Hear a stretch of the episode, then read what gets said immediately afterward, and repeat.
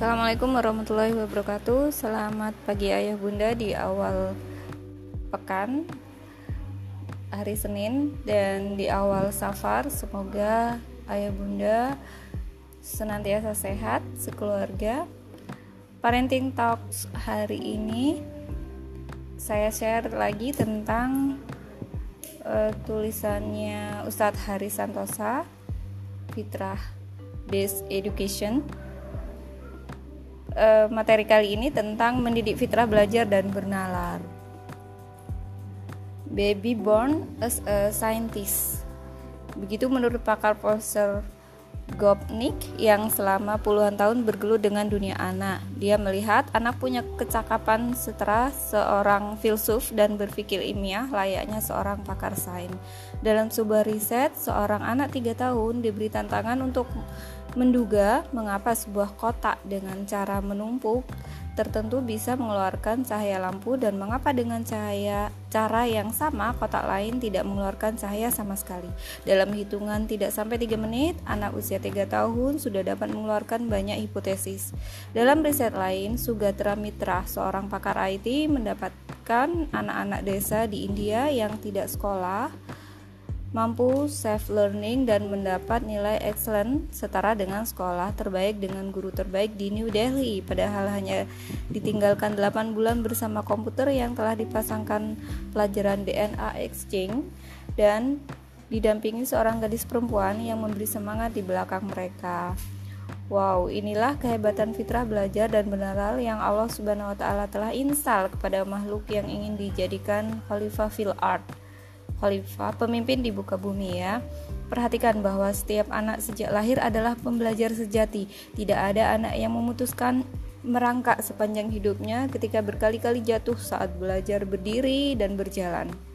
Begitulah Allah telah membekalkan manusia agar mampu memikul tanggung jawabnya untuk merawat, memakmurkan bumi dalam Islam, manusia memang dilahirkan bodoh atau tanpa pengetahuan, tetapi Allah telah menginstal dalam jiwa mereka keimanan, akhlak dasar yang dapat membedakan perlakuan baik dan buruk, kemampuan dasar interaksi sosial, sifat-sifat unik, pola makan, pola tidur, seksualitas sebagai lelaki dan perempuan dan lain-lain.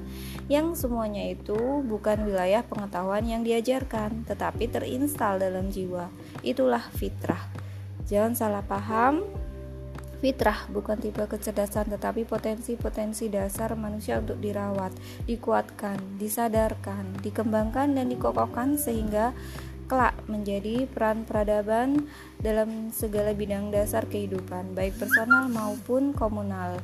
Khusus untuk fitrah belajar dan menaral, jika tumbuh paripurna, maka kelak peran peradaban yang dihadap, diharapkan adalah peran inovator pencipta ya yang menebar rahmat bagi alam semesta. Lalu mengapa sepanjang masa kita menjalani masa persekolahan, fitrah belajar dan menalar ini seolah redup. Bahkan banyak di antara kita alergi dengan kata belajar, apalagi bernalar. Persekolahan formal dianggap oleh banyak pakar sebagai penyebab anak membenci proses belajar dan bernalar. Sekolah belajar seolah menjadi waktu pengisian konten pengetahuan yang mengerikan dan bel, bel istirahat, bel pulang, serta liburan adalah masa paling membahagiakan bagi kita. Belajar dan benar di sekolah sebenarnya adalah pacuan yang tak ke mana-mana atau race to nowhere Lihatlah berapa banyak sarjana yang skripsi dan tesisnya adalah karya satu-satunya dan terakhir sepanjang hidupnya.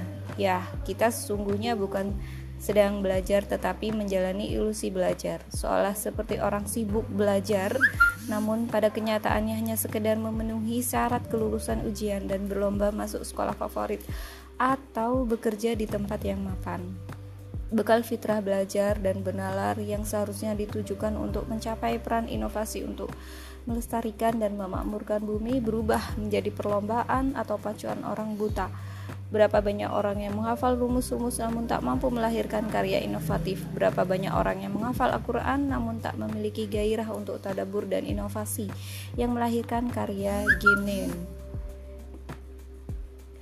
Padahal umat hari ini membutuhkan kemampuan tadabur yang hebat. Lalu bagaimana mendidik fitrah belajar dan benalar? Mendidik fitrah belajar dan benalar harus e, berangkat dari keyakinan bahwa semua anak suka dan bergairah belajar. Karenanya tidak tergiur untuk too much teaching atau over stimulus, apalagi drilling dan um, menerapkan reward and punishment. Kita sungguhnya hanya perlu menyemangati, mendorong gairah dan antusiasnya untuk ikhlas belajar dan bernalar, melahirkan inovasi baru yang ramah bumi di setiap kesempatan dengan membimbingnya memunculkan banyak ide menantang atau menginspirasi agar Ananda melahirkan gagasan yang hebat.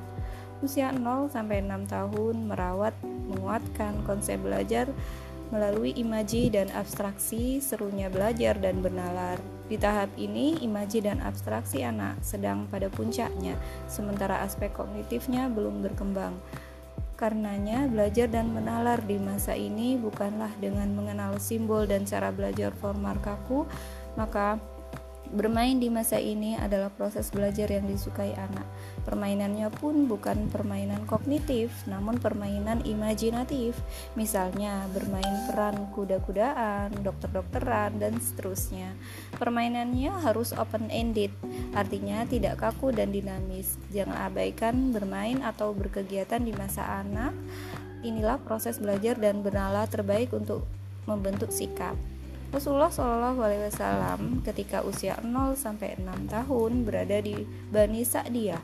Setidaknya ada tujuh hal terkait fitrah belajar dan benar ini yang beliau dapatkan. Yang pertama, belajar bersama alam atau BBA. Lingkungan alam pedesaan yang nyaman untuk belajar dan bergerak serta untuk menguatkan sensomotorik atau muscle memory yang kedua, bahasa ibu mother tongue yang fasih dan sempurna. Yang ketiga, belajar bersama orang tuanya untuk membangun kelekatan atau attachment. Yang keempat, belajar kisah-kisah kepahlawanan bersastra baik dan kearifan lokal. Belajar kepemimpinan atau executive functioning dengan memelihara hewan. Yang keenam, belajar mendaki bukit untuk membentuk fisik dan sikapnya. Yang ketujuh, belajar mengenal dan mencintai Allah sebagai uh, uh, melalui ciptaannya. Belajar bagi anak usia ini adalah proses bermain imajinasi yang menyenangkan dalam cara pandang mereka, bukan cara pandang uh, mereka. Anak yang sudah cinta belajar dalam akan belajar sepanjang hidupnya. Karenanya, jangan tergesa ingin anak serba bisa pada banyak hal, bukan uh, pada apa yang memberi dampak anak yang segera bisa membaca belum tentu suka buku dan suka belajar sepanjang hidupnya. Usia 7 sampai 10 tahun, masa pertumbuhan dan menyadarkan potensi fitrah belajar dan benalar. Di tahap ini fitrah belajar dan benalar sedang pada puncaknya. Logika dan kritis anak sudah berkembang sangat baik anak mulai menyadari adanya aturan, adanya simbol, adanya tanggung jawab, dan seterusnya. Di masa inilah perintah sholat dianjurkan untuk diperintahkan, disampaikan sebagai perintah karena akal sudah tumbuh pesat. Inilah masa emas bagi fitrah belajar dan menalar ananda. Maka metode terbaik adalah dengan berinteraksi dengan diinteraksikan atau direlevankan dengan alam. Alam menjadi tempat terbaik. Metode belajar bersama alam menjadi cara terbaik menumbuhkan fitrah belajar dan benar logika anak logika anak yang tumbuh hebat bertemu dengan keindahan keteraturan Allah di alam semesta dan keindahan ayat Allah di kitabullah. Belajar bersama alam ada tiga bisa alam sebagai lingkungan belajar, bisa alam sebagai media belajar, dan bisa alam sebagai objek belajar.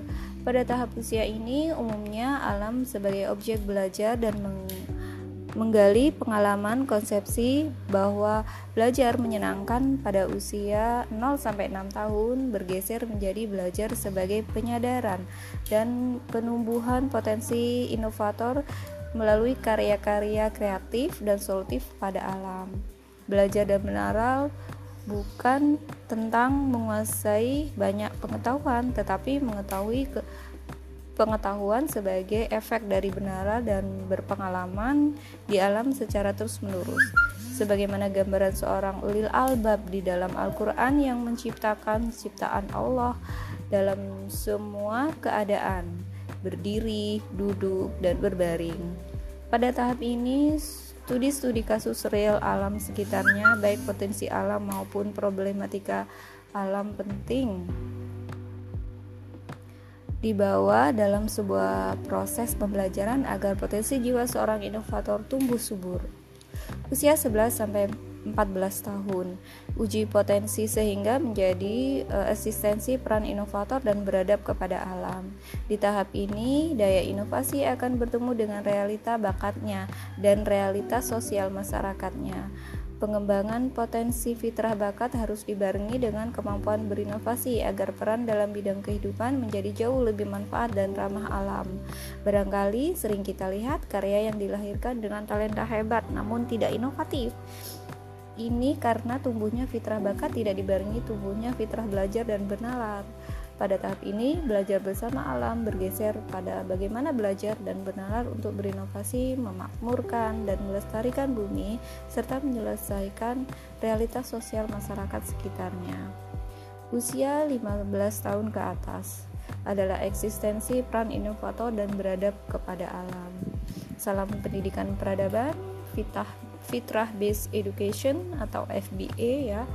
Pendidikan berbasis fitrah Ustadz Hari Santosa. Selamat uh, berkarya ya bunda. Wassalamualaikum warahmatullahi wabarakatuh